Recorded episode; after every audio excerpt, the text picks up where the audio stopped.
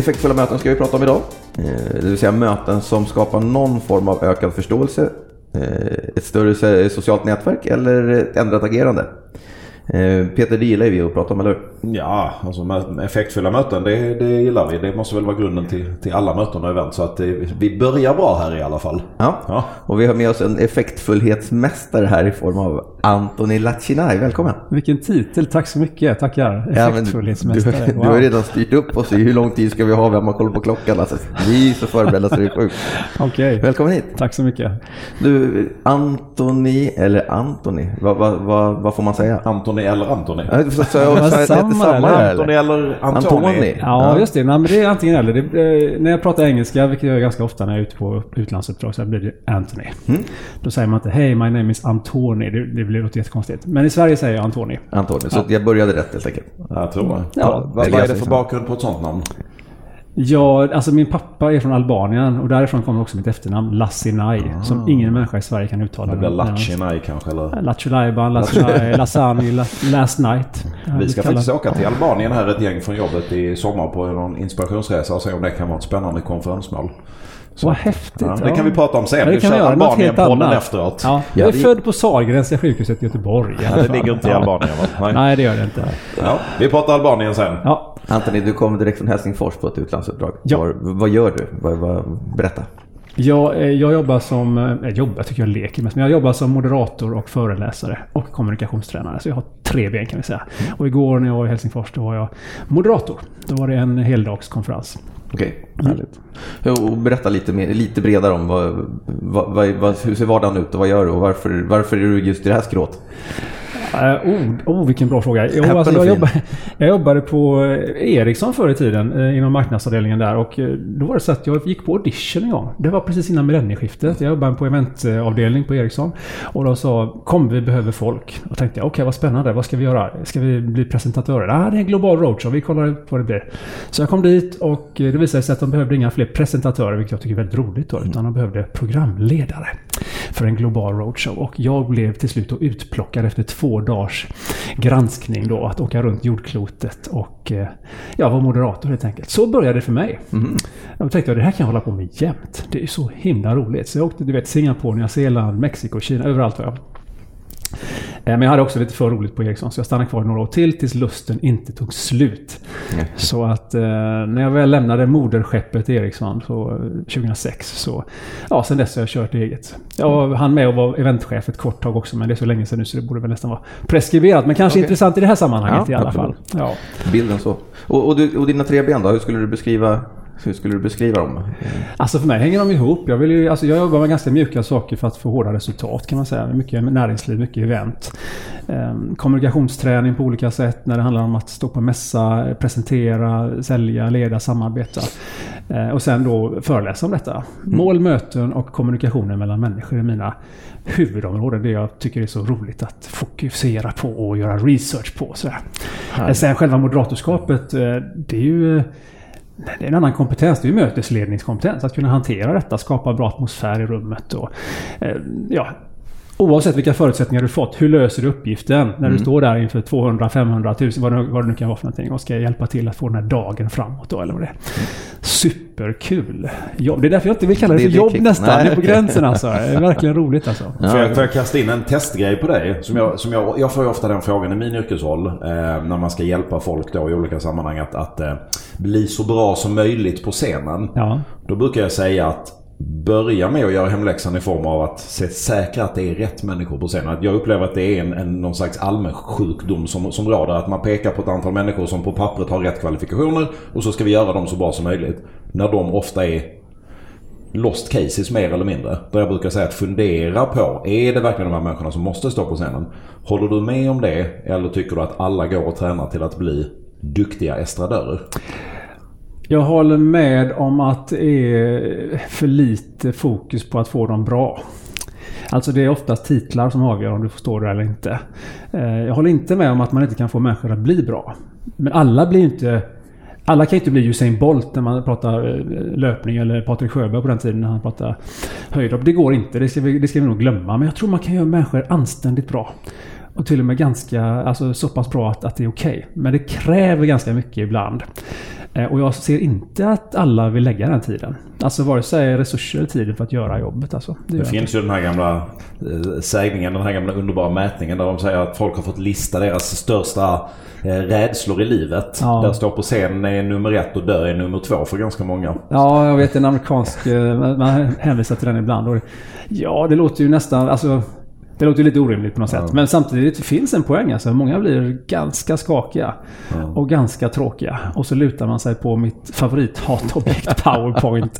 ja. Och herregud, vi kan prata ett helt program bara om det om vi skulle vilja. Nej, men det, det, det, går att göra folk bra. Men, men, det är inte alltid att, att man lägger den tiden. Utan man tänker att ja, men det är inte ditt jobb att Alltså din, din roll är att vara chef över någon finansavdelning eller någonting. Och detta gör du bara för att du måste. Och, och då har man lite fel inställning. Ja, det, nej, men ibland kan det vara... Jag kan, ibland kan jag tycka att det är okej om du är skitdålig på det här. Och kanske att du inte ska göra det ofta. Så ser man det som en lättnad. Men jag hör vad du säger. Eh, en följdfråga på det då. Mm. Vad Eh, om, om, du får en person som inte är en naturlig estradör och som, som ska upp och prata och som ska förmedla ett budskap lite crash course då. Två, tre, fyra. Vad är de bästa tipsen? Vad är allmäntipsen liksom? Ja, för det första så tycker jag att du ska tro på vad du säger. Det är en jättebra poäng. Om mm. du kan göra det så har du kommit långt. För om du tror på vad du säger, då kan jag i publiken också tro. Annars är det väldigt svårt. Så det är väl nummer ett tycker jag. Sen alltså, vad är ditt huvudbudskap? Vad är det du ska få fram egentligen? Få fram det. Fokusera på det och klä hellre det i bra exempel. För om det är någonting som vi går fel med när vi hamnar i den här powerpoint-hysterin, det är ju att komma ihåg att, att vi människor går inte igång på fler siffror. Vi går igång på stories, minnen, exempel. Då händer det saker. Mm. Så det tycker jag är en nyckelpoäng. Alltså, hur, hur klär du dina exempel, dina teser, dina fakta i, ja, i, i exempel, i stories, i någon form av, av eh, person. Alltså att du är en person och inte bara en funktion när du kommer upp där. Mm. Sen finns det tusen andra saker jag skulle kunna ta upp. Men det, det känns som att tro på vad du säger och försöka klä det hela i någon form av personligt minne, story, exempel. Men visst blir vi bättre? Visst går vi, visst, alltså vi generellt, visst blir vi bättre uppe på scenen alla vi som står där i olika tillfällen? Tycker du jag tycker, eller, ja, men jag tycker, tycker det tycker jag också. Om man drar tillbaka klockan ett antal år så var det ju katastrof. Men jag tror att det handlar också om liksom, delvis den tekniska utvecklingen. För 10-15 år sedan så var det fortfarande okej okay med en jävligt ful 4-3 powerpoint för att det förväntades. Idag, nämner man ordet powerpoint idag så är ju alla ska ju vara duktiga. Bara, nej, nej, vi ska inte ha några powerpoint. Sen slutar det med en powerpoint ändå någonstans. Men jag tror att det hänger ihop lite med det. Att man var kvar då i det här att kommunicera massa liksom, fakta. Idag är det ju mer som, som du säger, trycka på budskap och känslor. Och ja, men särskilt när vi pratar om vi fokuserar på events och konferenser och sådär. Det börjar väl bli bättre, jag håller med om det. Man, man har inte lika många stream beans eller vad de heter, de här mm. hoppande bönorna och sånt där. Och, eh, man släppt väldigt mycket sånt som var för 10-15 år sedan. Nu, nu är det klart bättre och flera stycken har dessutom börjat anlita proffs som tar hand om det där så att det blir bra visuella hjälpmedel och sånt där. Mm. Um, mer där kanske än vad vi gör ibland med själva människan. Mm. Men hamnar du inte ofta i det här Eh, jag tycker man springer in i det rätt ofta. Att man, man ska ha någon som dig som ska hjälpa till att stötta talarna. Och så tror de här talarna eller talarnas upp, eh, uppdragslämnare eller uppdragsgivare att det är någon slags ren eh, eh, lite parad höll jag på att säga. Alltså hur du ska föra dig på scenen. Hur du ska stå med händerna inte i fickorna och så vidare. Det kan ju vara en liten, liten del av hur du får, får fram det du vill säga. Men jag tycker att jag ofta hamnar i sådana sammanhang där de tror att nej, nej, men vad vi ska säga och hur vi pratar det löser vi själva. Men ska, hur ska man stå stilla på scenen? Ska man ha händer i fickor, inte i fickor och så vidare? Mm. Du råkar inte ut för att de tror att det är den typen av kosmetika de behöver? Alltså det finns ju tre huvuddelar i, i dig själv när du ska presentera från en scen då. Det är vad du säger, hur du ser ut och hur du låter. Och vad du säger är, om, om tänker oss att allt detta är en present. Då är vad du säger innehållet, själva presenten, det som du ska ge bort. Men om inte du klär det i något vackert omslagspapper, då kommer folk inte lyssna i alla fall. Om du har någon skitigt tidningspapper du klär in i alltihopa då kommer folk ändå bara skaka på huvudet och kanske inte ens höra ditt fina budskap. Mm. Så du behöver faktiskt både och. Du behöver en bra röst som engagerar, du behöver bra kroppsspråk som, som visar att du, att du är med och tror på detta. Och sen behöver du också såklart ett budskap så att man inte går därifrån och tänker det var ju bra, men vad var det personen sa? Mm.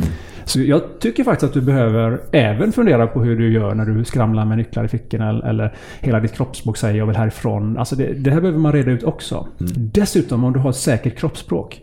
Då visar det sig att det programmerar ju hjärnan till att du blir tryggare och känner att här är jag, jag är på rätt plats. Mm. Så att jag försöker jobba med alla de här tre delarna för att få ett bra budskap att landa. Egentligen är budskapet alla tre. Annars kommer man inte fram. Presentpapper, snören och själva innehållet. Och vår med, vårt medskick är att ta hjälp. Eller hur? Ta hjälp av varandra eller ta hjälp av proffs eller ta hjälp. Att tala nästan egen sak, svarar jag på den frågan. Ja, men, eller hur? men ja, jag tycker faktiskt det. Det behöver inte vara eh, mig. Det finns många som kan jobba med detta. Och även internt. Varför inte testa på varandra innan du går ut och kör live för hela din, ditt företag till exempel. Ja, men det är det jag menar. Ta, Ja. ta hjälp i någon form hellre än att inte göra det i, i vårt Ja. medskick och helst av proffs såklart. Släpp prestigen där och Absolut. så, utan gör, öva innan. Det är, det är en bra grej kan man säga. Ja, men precis. Hörrni, vi ska prata lite effektfulla möten. Effek- just det. effektiva, effektfulla möten. Ja. Vad är skillnaden för er? Effektiva möten eller effektfulla möten? Ja, men det är väl ord, Är det klart? ord, ordklyveri tror jag. Är det inte det eller? Jag Ja, inte. för jag har ju liksom gått igång på det där lite grann. Jag kan säga att jag är lite, jag är lite trött på, på mig själv och mina kollegor och många företag och organisationer som säger vi måste ha mer effektiva möten. Det är oftast det jag får som frågar ibland då, så här, kan vi få mer effektiva möten? Och jag tycker det blir väldigt endimensionellt. För effektivitet är viktigt. Ja, det är jätteviktigt. Det ska vara målprocesser, det ska vara tydliga deadlines, det ska vara tider vi håller. Allt det där ska vi göra på vårt möte. Eh, Stormöte som småmöte spelar ingen roll. Men, men om vi glömmer den andra parametern då som är då engagemang och energi. Då, då är vi bara inne på effektivitet. Och effektivitet har egentligen inte så mycket med människor att göra. Det har mer att göra med processer. Och, och vi, visst kan vi vara effektiva. Tänk att vi är effektiva. Alltså vi har, av ett av tio. Vi har tio på effektivitet. Men vi har bara ett på energi. Vi får bara ut faktor 10, det är ju värdelöst va? Å andra sidan har vi, har vi massor med en- energi men inga processer, ingen målstyrd, ingenting. Då blir det bara lattjo men det går fortfarande bara faktor 10. Så effektfulla för mig det är när vi har 10 på båda. När vi har både stort engagemang, stor energi och bra effektivitet. Då får vi faktor 100. Jag vet inte om ni är ni med Jo, på vad jag menar? absolut, Jag, jag kan inte rita detta för er som sitter och lyssnar på det här någonstans.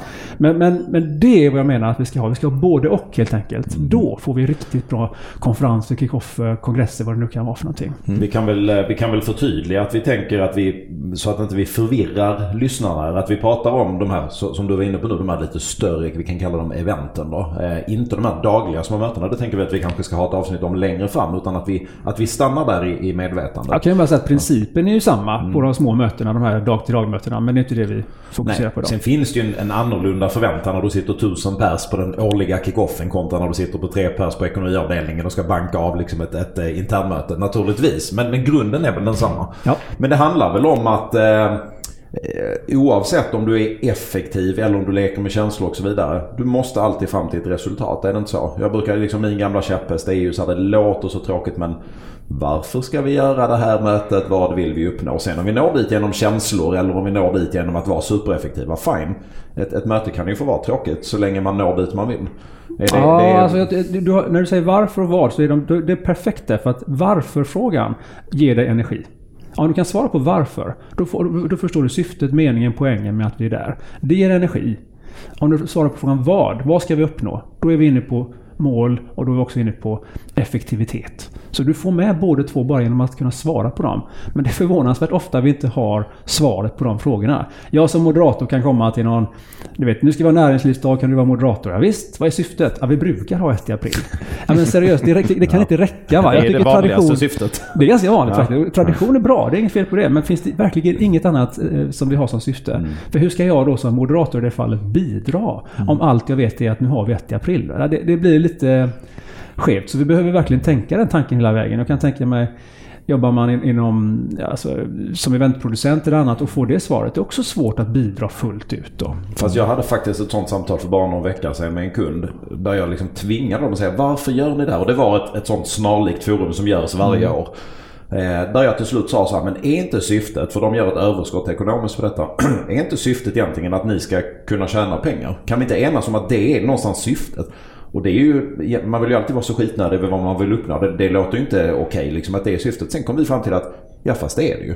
Det är ju det som är hela syftet med att de gör det här. Det var en liten, en liten branschorganisation. Det är syftet att de ska överleva ekonomiskt. Fine. Det är ett syfte så gott som något och då bygger vi ut efter det. Det innebär ju inte att det blir ett dåligt möte. Men det behöver inte handla om att vi ska ändra på attityder och beteenden hos deltagarna. Utan de ville bygga, dessutom att vi sa vi ska bygga ett, ett stort event dit folk vill komma och köpa biljetter. Mm.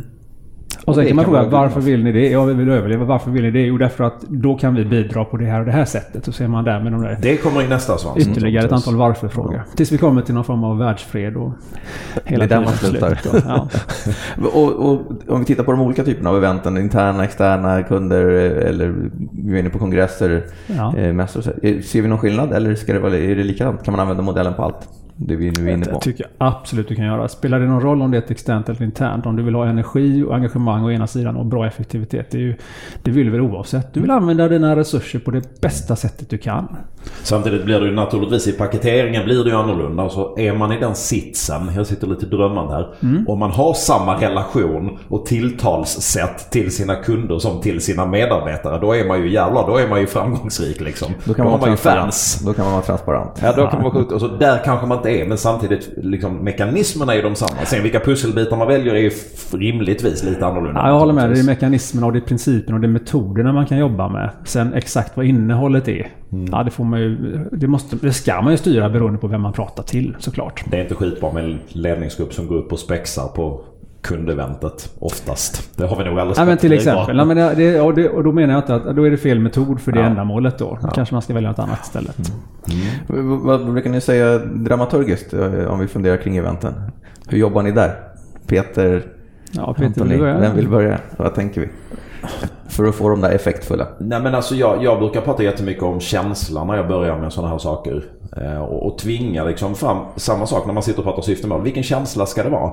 Och det kan vara så här lite mjuka flummor som det ska vara roligt eller det ska vara seriöst, professionellt och så vidare. Och det bygger man sen dramaturgin från. Och då, där är det ju, är det interna större samlingar, då får det ju jätteofta vara så här, oh, det, det får gärna vara avslappnat och kul. Ja men då finns det ju ett antal liksom, smarta pusselbitar, jobba med komiker som pausfåglar eller liksom göra små roliga filmer och så vidare. Eh, ofta när det är kundevent så är det helt andra saker. Så jag man vågar prata lite känslor. Det ligger egentligen långt från min natur. Men, men just i sådana här sammanhang tycker jag att det är bra. Låter det flummigt för dig? Nej, jag tycker inte alls. Jag tycker det är bra. Känslor, ja, visst, det, det är svårare att, att kvantifiera eller mäta det, men det är nog så viktigt. Jag brukar ha tre stycken ska säga, pusselbitar som jag tycker är viktiga när man kör event. Så det är learning, networking, having fun. Kan vi få med de tre? Att jag lär mig någonting, jag nätverkar med alla de här människorna omkring mig och jag har kul någonstans. De tre tillsammans skapar någon form av magi, tycker jag. Men dramaturgiskt sett får man ju bara titta på vad är det du får in någonstans. Alltså, vad, vad får du in var? Vad kan jag vara? Eh, Mm. och jag snackade med en dramaturg för många år sedan som pratade om, om eh, events och, och teater och film och allting. Och han byggde ungefär samma tankar. Jag tycker de, de håller. Kanonstart. Typ Bondfilmens första jakt. Mm. Sen kommer själva storyn som ska byggas upp och den ska byggas upp, upp, upp, upp. I slutet ska det bli klimax och sen så kan man andas ut någonstans där. Jag tycker den håller. Alltså, bra början, bra slut och däremellan för att inte folk ska somna så har man spikar med bra innehåll som, som bygger upp det. Och ett sätt att börja starkt tycker jag i början är att involvera tidigt. Så att vi inte eh, upptäcker att folk sitter där passiviserade. Jag menar när du sitter där i publiken och det har gått en halvtimme och du har fortfarande inte fått göra något annat än att bara lyssna eller kolla på ytterligare 40 slides kanske. Ja men då har du kommit in i det modet. Då har du tappat det här engagemanget och energin. För då har du lutat dig tillbaka och tänker bara, jaha, det är ett sånt event. Och, och, och tänker vi att det är någon, eh, några små saker Alltså små engagemangssaker eller behöver det vara en full workshop eller ska det vara en full? Nej, ta som igår till exempel. Det är ett, ett, ett intensivt, smäckat program. Ett, ett företag som hade många korta presentationer som skulle lägga grunden faktiskt för 2019. Va? Så de var ganska tidigt ute. Eh, Men vi hade åtta minuter. Jag hade åtta minuter i början och jag använde tre av dem till att låta dem få prata med varandra tre och tre och bara sa vad har varit kul den senaste veckan? Bara för att de ska diskutera med varandra och komma igång och få en känsla av att ja, men jag är på en bra plats. Det räckte. Det räckte för att de skulle eh, vara uppmärksamma därefter. Hade vi börjat direkt med att säga bara okej, här kommer första eh, rapporten eller något sånt där. Ja, men då hade folk direkt bara gått in i sleep mode. Va? Mm. Eh, Det behöver inte vara så avancerat. Det kan, kan vara någon enkel fråga. Känner de inte varandra om man har tid kan man gå upp kanske fyra stycken och diskutera vad har vi gemensamt utanför? Alltså, ibland får man så här udda gemensamma nämnare. Vad, vad har vi som är konstigt? Som, som, som vi, som vi, har vi alla gråtit på ett flygplan till exempel? Kommer vi fram, bara komma fram till det tillsammans på 5-10 minuter är ganska häftigt va? Så att man kan, enkla saker, icebreakers, energizer, någonting sånt där som väcker till. Tycker jag är bra att, att börja med ganska tidigt. Ändrar sig eventformen någonting med tanke på hur vi agerar i digitala medier, sociala medier? som ska bli kortare och kortare, snabbare och snabbare. Tänker du på mötet eller innan, efter? Ja, hur påverkas dramaturgin i det vi gör med tanke på hur vi kanske kommunicerar utanför eller före eller efter? Jag tror att attention span är nere på typ sju sekunder nu för tiden. Ja, men precis. Hur, lång- hur långa Sju, grejer åtta kan man göra? En mindre än en guldfisk i alla fall har jag lärt mig. Eller hur? Ja. Ja, Men alltså man kan väl säga att, att eh, digitaliseringens former och social media har ju en, en fantastisk förmåga att förlänga eventet tycker jag. Mm. Och det, det har ni säkert också märkt att ni kan göra så mycket innan och så mycket efter som inte vi kunde göra innan. Alltså det, var, det blir man e-mail och ett brev. Nu, nu kan vi göra mycket, vi kan skapa surr. Däremot är jag inte lika säker på att det är så himla bra att man hashtaggar allting. För du tappar så mycket innehåll om du ska sätta dig ner och börja skriva dina tweets eller, eller sådär. Det, du, du förlorar så mycket. Så jag, jag är, där är jag faktiskt lite ambivalent om jag tycker det är en bra grej eller inte. Jag, jag var mest ute efter den egentligen, att det blir kortare och kortare. Alla inslag vi gör i, i eventet blir kortare och kortare för att vi ska vara koncentrerade på det. Så det krävs kanske fyra gånger så mycket inslag och det krävs eh, energizers, mycket, mycket mer som händer hela tiden. Ja, men jag snackade med en, eh, när jag började titta på det här för 25 år sedan, det här med, med kommunikation så, på, på, mer, på allvar om vi säger så, för jag tycker det är så roligt. Så, då sa lärarna till mig att 20 minuter pallar vi att lyssna, sen måste någonting hända. Men här om året snackade jag med en universitetslärare och han sa nu är vi nere på 3,5 minuts koncentrationsförmåga. Inte attention span, det, det, utan koncentrationsförmåga. Så det måste hända någonting. Och jag har tänkt på det. Har, har ni sett någon sån tv-serie nyligen från 70-talet eller 80-talet eller 90-talet? De är ju så långsamma mot idag. Ja, ja. Och det är det vi behöver. Vi ska hela tiden ha nya kickar. Så du har rätt alltså. Det är någonting som behöver hända hela tiden. Och det borde ju smitta oss på eventsidan. Men jag. vad det sen har att göra med hashtaggar och sociala medier. Ja, efter tre och en halv minut kliar i fingrarna, då måste vi kolla status ungefär. Så är det faktiskt idag. Det, jag har kollat upp det också. Det, det kanske påverkar oss då lite, lite negativt då, om vi ska ha ett budskap som ändå ska prata, om vi ska prata om en halvtimme eller någonting. Tio gånger på den tiden har folk önskat titta på sin telefon.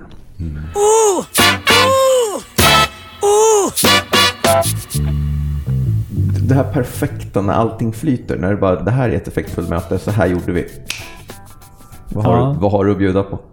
Ska jag ta den eller Peter? Eller vill du? Ta du, det är du som är gäst idag. Ja, ja okej. Ja, visst. Artighet, trevligt. Tackar, tackar. Ja, ja, Eh, ja, jag kan väl ändå hyfsat när. Vi tar något i närtid. I, i eh, januari så hade jag förmånen att få, få vara med två dagar med ett av affärsområdena inom Tietos eh, ledningsgrupp. Då. Eller, le- det, var, det var inte ledningsgrupp, det var, det var chefer. Vi var 200 stycken. Vi var i Tallinn om jag minns rätt. Eh, de kommer in i rummet som vi ska vara i. Det finns inte en stol. Det finns en, en vägg, en mur som innehåller vita lådor. Och, och jag börjar med att säga till dem, nu river vi den här muren. Och de bara puttar undan muren. Och varje låda sen visar sig vara deras sittplats. Och på de här lådorna fanns det bara vita ytor som de sen kunde anteckna på. Och det var korta inspel från scen varvat med mycket diskussion och workshop där de kunde skriva. Inga powerpoints var tillåtna i detta fallet. Jag själv körde en storytelling-session också. En kort som bara där jag använde de här lådorna för att rita upp de viktigaste ingredienserna i en story. Och det räckte. Hela det mötet var fyllt av energi. Alltså hela tiden var de med själva och skapade, medskapade så här. Och det tror jag mycket på just medskapande. Jag vill påstå att det var ett av de mer effektfulla mötena jag varit på på länge. Eh, Det var jättehäftigt att vara med eh, och få vara med på den resan. Snyggt. Mm. Snyggt. Peter, har du något? eh? När jag sitter och bläddrar i järnbalken men jag kommer inte på något just nu. Vi- Jag tycker att det, det görs vettiga bagare. Det där tyckte jag var ett jättespännande exempel. Alltså det, generellt sett så är det ju de bästa grejerna. Alltså, det- enligt den här diskteorin, beroende på vilken färg man är så kan det ju göra lite ont i själen. Jag som är så här extremt röd som Jonas är kan ju tycka att vad fasen det där är, blir ju lätt lite flummigt och så vidare. Samtidigt som jag är ju med, helt med på ditt spår.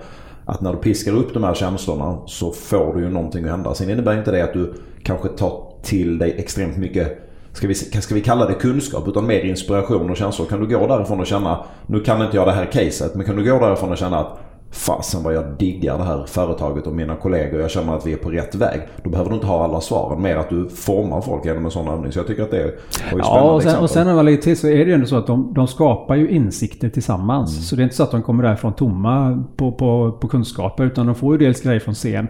Sen får de bearbeta dem. Det tycker jag är så... Alltså, det är inte så vanligt att det är så. Vi, vi skickar ut så mycket från scen. Vi har så många punkter vi vill säga hela tiden. Så att Mm. vi fyller agendan.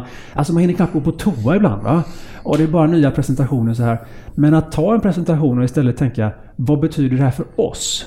Gör att det landar bättre och då blir det faktiskt skulle jag vilja säga djupare kunskap istället. Du får ännu mer utav det. Men du får färre, färre saker att prata om. I och med att det tar ju tid att bearbeta varje del sen. Va? Ehm, Så att, ja, man får med känslan. Men jag tycker att de var duktiga på att få med insikter också. Alltså den stora utmaningen där det är ju jätteofta olika metoder man använder just att man ska skapa tillsammans och det ligger ju absolut i tiden att man ska engagera deltagarna istället för att lyssna passivt så ska, man, ska det vara interaktivitet och så vidare. Det jag ju fortfarande brottas med det är ju eh, alltså kunden eller ledningens ska vi kalla det ansvarskänsla för efterarbetet. Man har ju varit med fortfarande om så många större möten där man workshoppar och det spånas och det är open space-övningar och det bara, det bara kokar i rummet av, av deltagande och engagemang.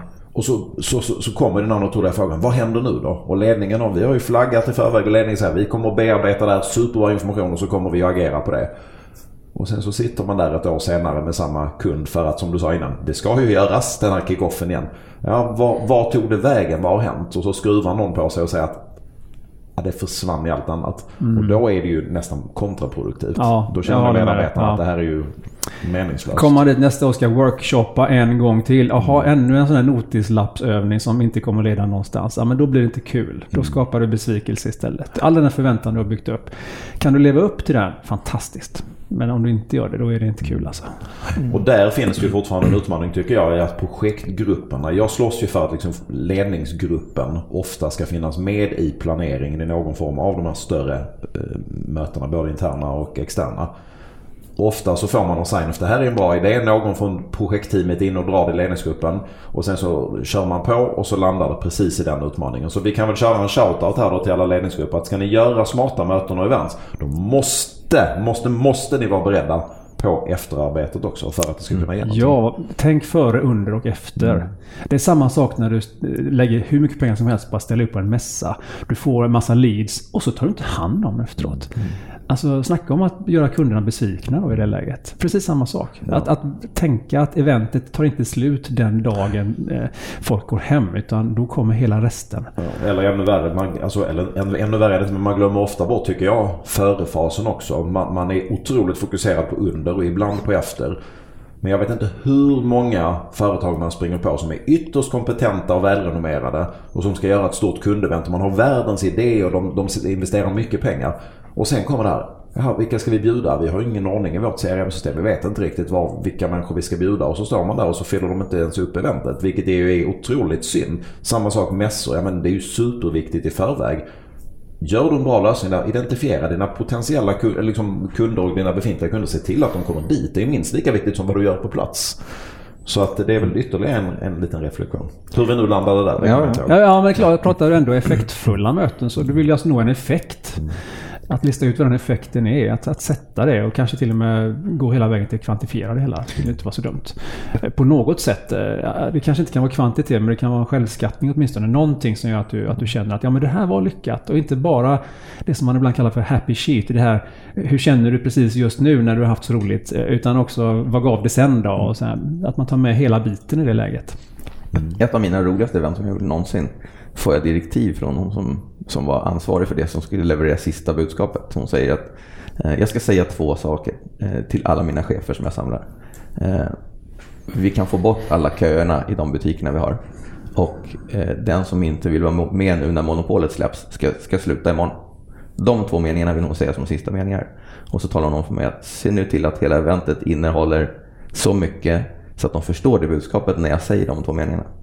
Eh, och sen så sa hon, jag litar på dig. Det var din event brief alltså? Ja. Det var vad du fick? där. Ja, ju Eh, bort, brief. med, bort med alla köer för 450 kvinnliga chefer. Eh, toaletter, kaffe, incheckningar och sånt.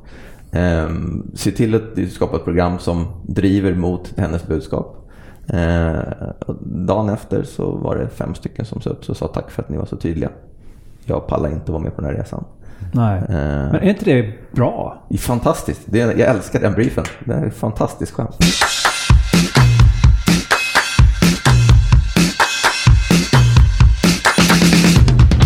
Vi, vi ska hoppa lite grann. Eh, vi har en ny sponsor Peter. Ja men det har vi. Ja, Ja. berätta. Eh, nej, men vi, har ju, vi har eh, den stora glädjen att få med oss Talarforum som ska vara med oss ett tag framöver. Och då tänker jag att vi ska förena nytta med nöje. Det gjorde vi även med Radisson och pratade om spännande resmål. Eh, och nu ska vi då prata om olika spännande talare. Då tänker vi att vi i varje avsnitt ska presentera en talare som man då med fördel kan boka hos Talarforum eh, för olika sammanhang. Ska, ska jag köra veckans talare? Vi har en som pekar på sig själv. Han pekar på sig själv Titta här. på mig, jag sitter ju här. Jag är med i Du får talarforum. ringa Talarforum så får du bli veckans talare här någon gång. Men denna veckan ska vi prata om Kristina Rickardsson. Eh, Har du träffat på henne? Nej. Nej, då ska du få veta lite mer så kan du ju boka henne i något sammanhang sen kanske. Eh, och jag blandar lite, lite fakta med lite, lite freestyle här. Och den korta beskrivningen av Kristina lyder så här. Med sin norrländska framtoning griper Kristina tag i publiken. Hennes historia berör och väcker känslor. Det handlar om att inte ge upp, att tro på sig själv, att mångfald berikar och hur kulturkrockar kan undvikas. Men mest handlar det om hennes fascinerande livshistoria som hon berättar med stort genomslag för åhörarna. Och eh, Talarforum kör ju sina Årets talartävling och Kristina vann Eh, 2017 årets genombrott så att eh, bland många andra så tog hon det priset. Eh, och Kristina har en, en eh, ska vi säga titel på sitt, sin sin föreläsning eller huvudtitel. Sluta aldrig gå från gatan i Sao Paulo till vinden i Norrland. Och Kristina vill då med sin unika historia inspirera och skapa bättre förutsättningar för, för eh, de som lyssnar på henne för att utveckla sitt multikulturella arbete. Och sen finns det som det alltid finns ett antal ämnen det finns ju en tendens att det finns fler och fler ämnen som man ska passa in på så många som möjligt. Men här, här är det en lagom lista.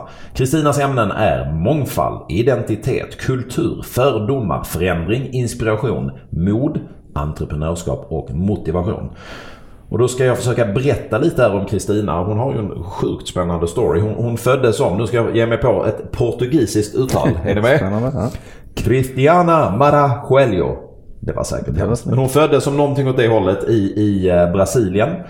Och eh, bodde där med sin mamma i en grotta, hör och häpna. Eh, de fly, flyttade så småningom till Sao Paulo, till en kåkstad där. Bodde på gatan, tiggde, svalt. Det var fysisk och psykisk misshandel. Sånt där riktigt, riktigt skitliv helt enkelt. Eh, När Kristina var sju år så hamnade hon och hennes eh, lillebror på barnhem mot både henne och mammans vilja. Och eh, även mot fortsatt vilja så när hon var åtta år så hamnade hon i Sverige. Då adopterades hon bort med sin lillebror eh, till Vindeln i Västerbotten. Eh, det var ju lite kulturskillnad kan man ju tänka sig. Eh, hon landade i Sverige. Hon var trygg hos sin familj. De tog säkert jättebra hand om henne naturligtvis. Men hon var ju otrygg i den nya miljön. Eh, allt var ju annorlunda. Hon kände sig inte hemma. Och ofta fick hon ju höra att det hon gjorde det var inte rätt i Sverige. Så hon började trycka undan den här brasilianska flickan Christiana. Och så dök den svenska Kristina upp istället. Och det här är ju det som hon pratar om. Eh, Kristina hon vill prata om förståelse för olikheter, fördomar och kulturkrockar. Och så ska man genom det bygga broar som, som eh, skapar dialog och tolerans och öppenhet i samhället. Och så naturligtvis, givet sin historia, så vill hon aktivt arbeta för utsatta barn och främja barns rättigheter med, med koppling till både Sverige och Brasilien. Och avslutningsvis tre olika spår när man vill ha Kristina som föreläsare. Antingen pratar vi om identitet och där grundar sig föreläsningen just i frågor som identitet och kulturkrockar och fördomar och samhällsnormer.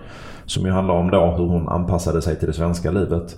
Eh, hon kan skruva det lite mer mot inspirationshållet. Där skriver de att den här föreläsningen handlar om hur man gör lemonad av citroner och hur man ser på livet från den ljusa sidan trots mörker. Och här är det mycket blandning av allvar med humor och det handlar om att hitta modet att göra det man vill. Så att eh, lite, lite lättsammare i all, i all mörkerhet kan man tänka sig.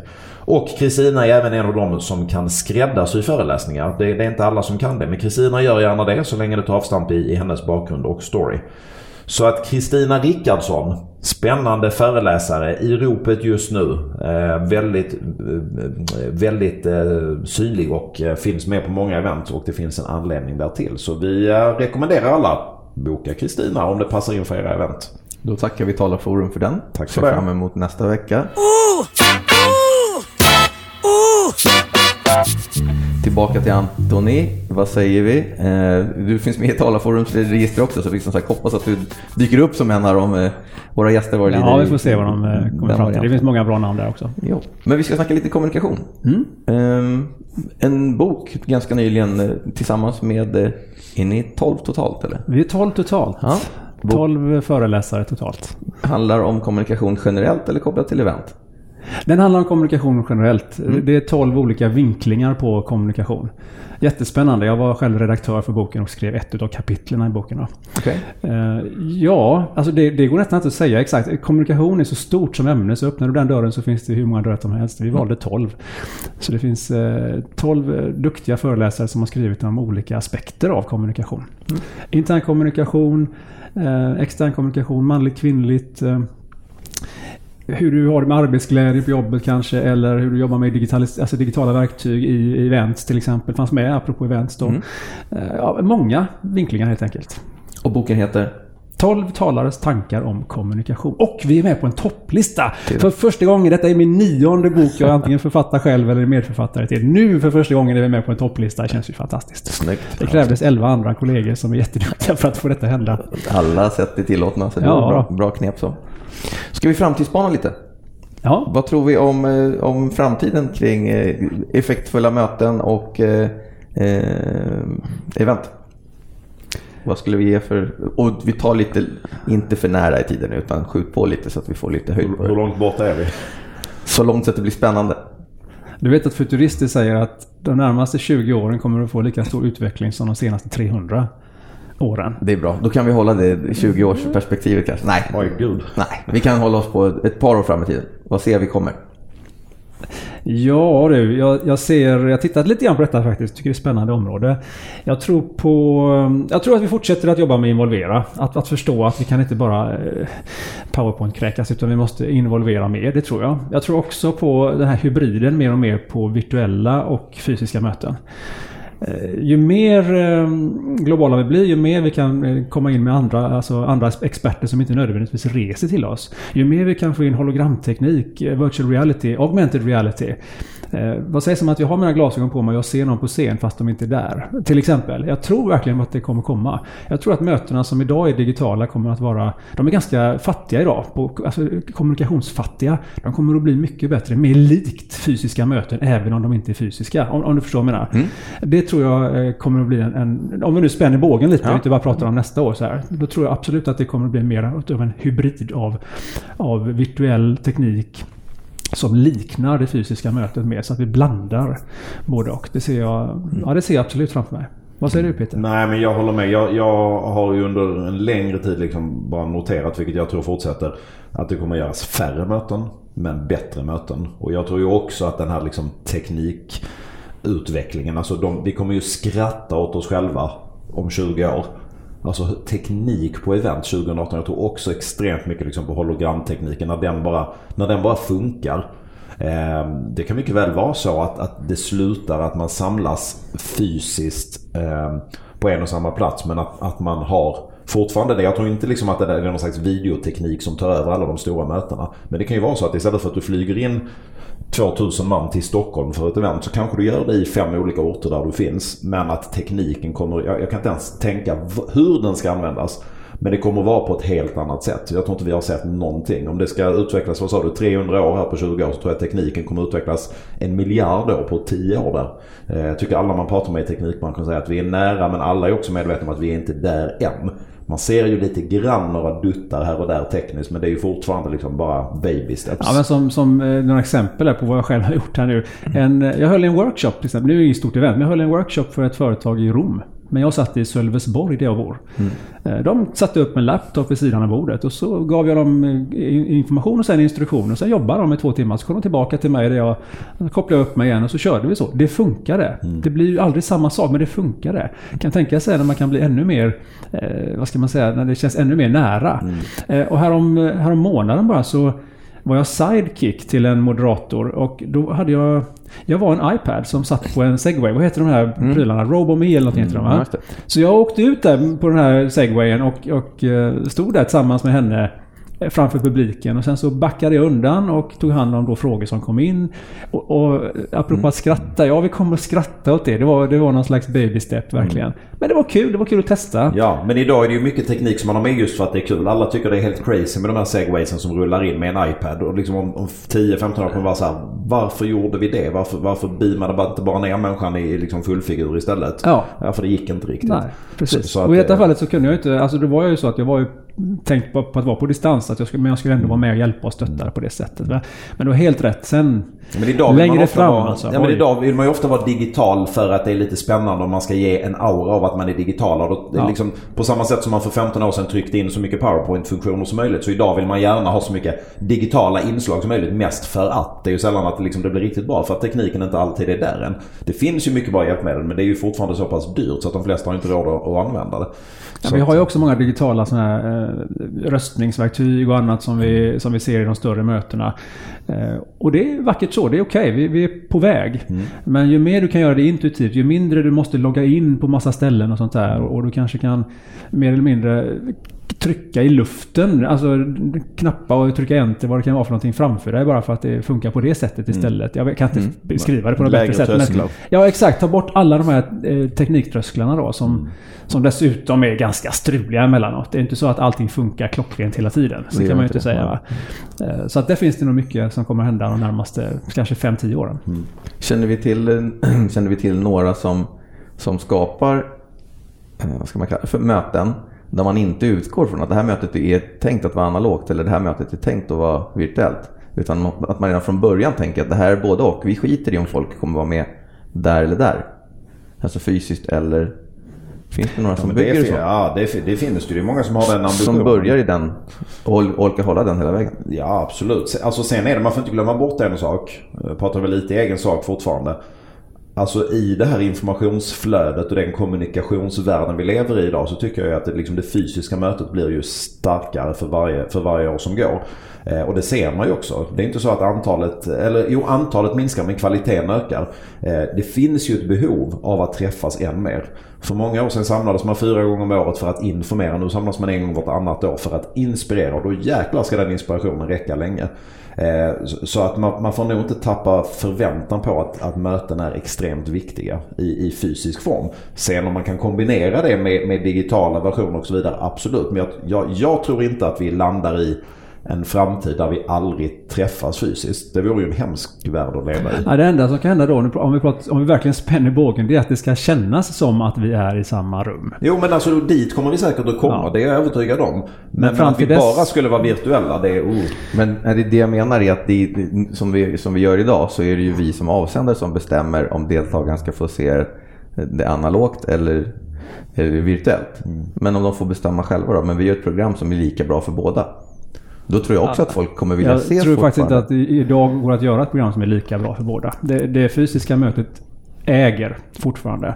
Jag tycker att det är, för mig i alla fall, en ståndpunkt. Det finns ingenting idag som, som kan ersätta ett fysiskt möte. Däremot tycker jag att det finns en, en risk som jag ser nu eh, mer och mer. När jag går in och pratar det här med analog kommunikation i en allt mer digital värld. Vad händer när vi låter alla breaks då gå ut på att folk springer iväg och kollar sina telefoner? Då tappar vi hela poängen med det sociala nätverkandet mellan programpunkterna, mellan innehållspunkterna och det som är så himla viktigt. Och där, där ser jag verkligen en risk att, att vi håller på att tappa. För om inte du har med den biten, då kan man ju fråga sig varför sitter vi här tillsammans då? Om, om allt vi gör är bara bli informerade istället för inspirerade och involverade. Och då tycker jag det faller. Vi behöver ha vi behöver tänka på det. Alltså, att, att Mm. är vi här så är vi här. Vi lägger, om det nu bara varann- vartannat år som du säger. Då är vi fan här alltså. Ursäkta svordomen. Nej. Men det, det känner jag i alla fall skulle vara en, en poäng att ta upp alltså. Jag gjorde en, en rolig grej för ett tag sedan på ett möte där vi inledde dagen. Det var en hel dag med 400-500 interna medarbetare. Där de första tre minuterna ägnade vi åt övningen vi kallade auto-reply. Och då kommunicerade vi för sen, vet ni vad? Nu ska ni alla, om ni inte redan har lagt in auto-reply att ni är borta idag, så ska ni alla lägga in ett auto-reply nu. Eh, och så ska vi mentalt också bestämma här nu att vi kollar faktiskt inte på våra telefoner. Sen ville vi ju inte dadda folk om det var någon som liksom, ibland är det ju nödvändigt. Men vi, ska vi se om vi kan klara 400 man här att inte kolla mejlen under dagen? Och alla garvar ju hit och dit. Men vi, vi märkte liksom att de flesta skötte det och det blev en sån otrolig puls. Och i efterkommentarerna i mätningen så var det ju väldigt mycket wow vilket enkelt medel för att, att liksom bara bygga energi in i mötet. Mm. Så, så att eh, våga vägra digitalt ligger också lite i tiden ibland. Eh, Ja, om vi nu inte ska använda telefonen som en menti eller någonting sånt där. Nej, men just den är här gången så gjorde vi inte det. Nej, då, och då är det ju inte alls dumt att tänka så. Eller att lägga in något mailbreak på 10 minuter. Mm. Nu får du lov att mejla eller ringa eller vad du vill i 10 minuter. Det är din tid för detta. Sen släpper vi det Ja, igen. men det gör man ju också ofta, men du vet vad det innebär. Det innebär att helt plötsligt när de ska tillbaka efter 10 minuter bara shit, nu har den här kunden ringt eller den här leverantören Sant, och nu har det sant. hänt. Ja. Ja. Vi Då brukar man prata om den, den privata sfären. Att man liksom eh, ska ha möjlighet. Det är, det är ungar som är sjuka eller som har slagit ihjäl sig på dagis och hit och dit. Att det ändå ska gå och bli nådd. Men de skickar ju oftast inte mejl i sådana sammanhang utan då kommer det ett sms eller ett missat samtal från det här paniknumret på skolexpeditionen. Liksom. Just det. Så att ja. Ja, bra synpunkt.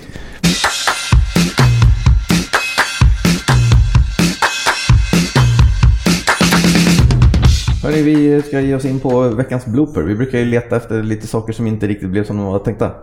Och eh, har du någonting att delge? När gick det helt åt pipan? Alltså jag har inte varit med om något kanske som gått fullständigt åt pipan men oftast är det det som vi nästan inledde med. Det är när du får den här sömnigheten av ännu en Excel-ark på, på PowerPoint eller, eller de här 14 bullets med fontstorlek 12 och, och så någon blomma i hörnet som ska på något sätt leva upp. Alltså det där, när man har fått för många sådana på rad, då är det zombiestirrande som gäller. Då är, då är man inte där längre. Det, för mig är det en, en långsam död. Alltså Ja. det, det, det, det är kanske inte sån här blooper som blir någon katastrof så men den är ju inte helt kul. Nej. Och sen när man har stora events och tekniken bara inte fun- fungerar har jag varit med om också ibland. När allting strular. När man inte ens har en plan. Alltså man har gått på plan A funkar inte, plan B funkar inte heller, plan C. Nej, inte den heller. Då är det jobbigt alltså. Eh, Det har ju hänt några gånger. När du tänker att du ska bidra med engage- engagemanget.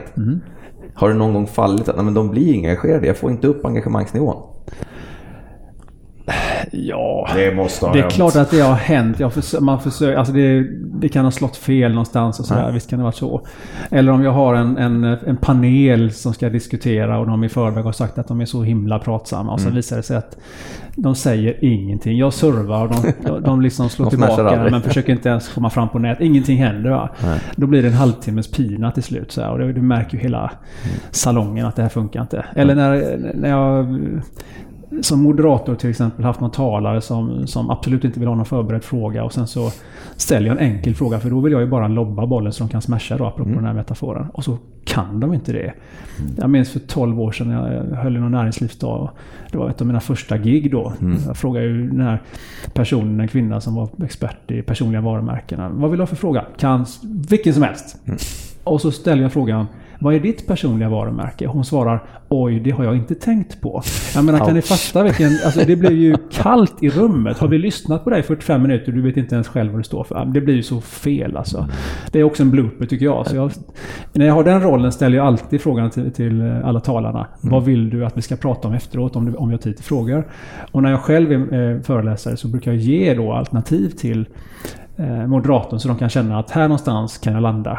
Eh, bara för att hjälpa dem i det fallet. Sen får de fråga annat om de vill också. Men, jag tycker att det kan vara bra att man har styrt upp det. Mm. Alla, så man vet området ungefär. Vad borde vara Ja, det här, alltså det här kommer jag att prata liksom. om. Eh, en bra följdfråga skulle kunna vara den här till exempel. Schysst.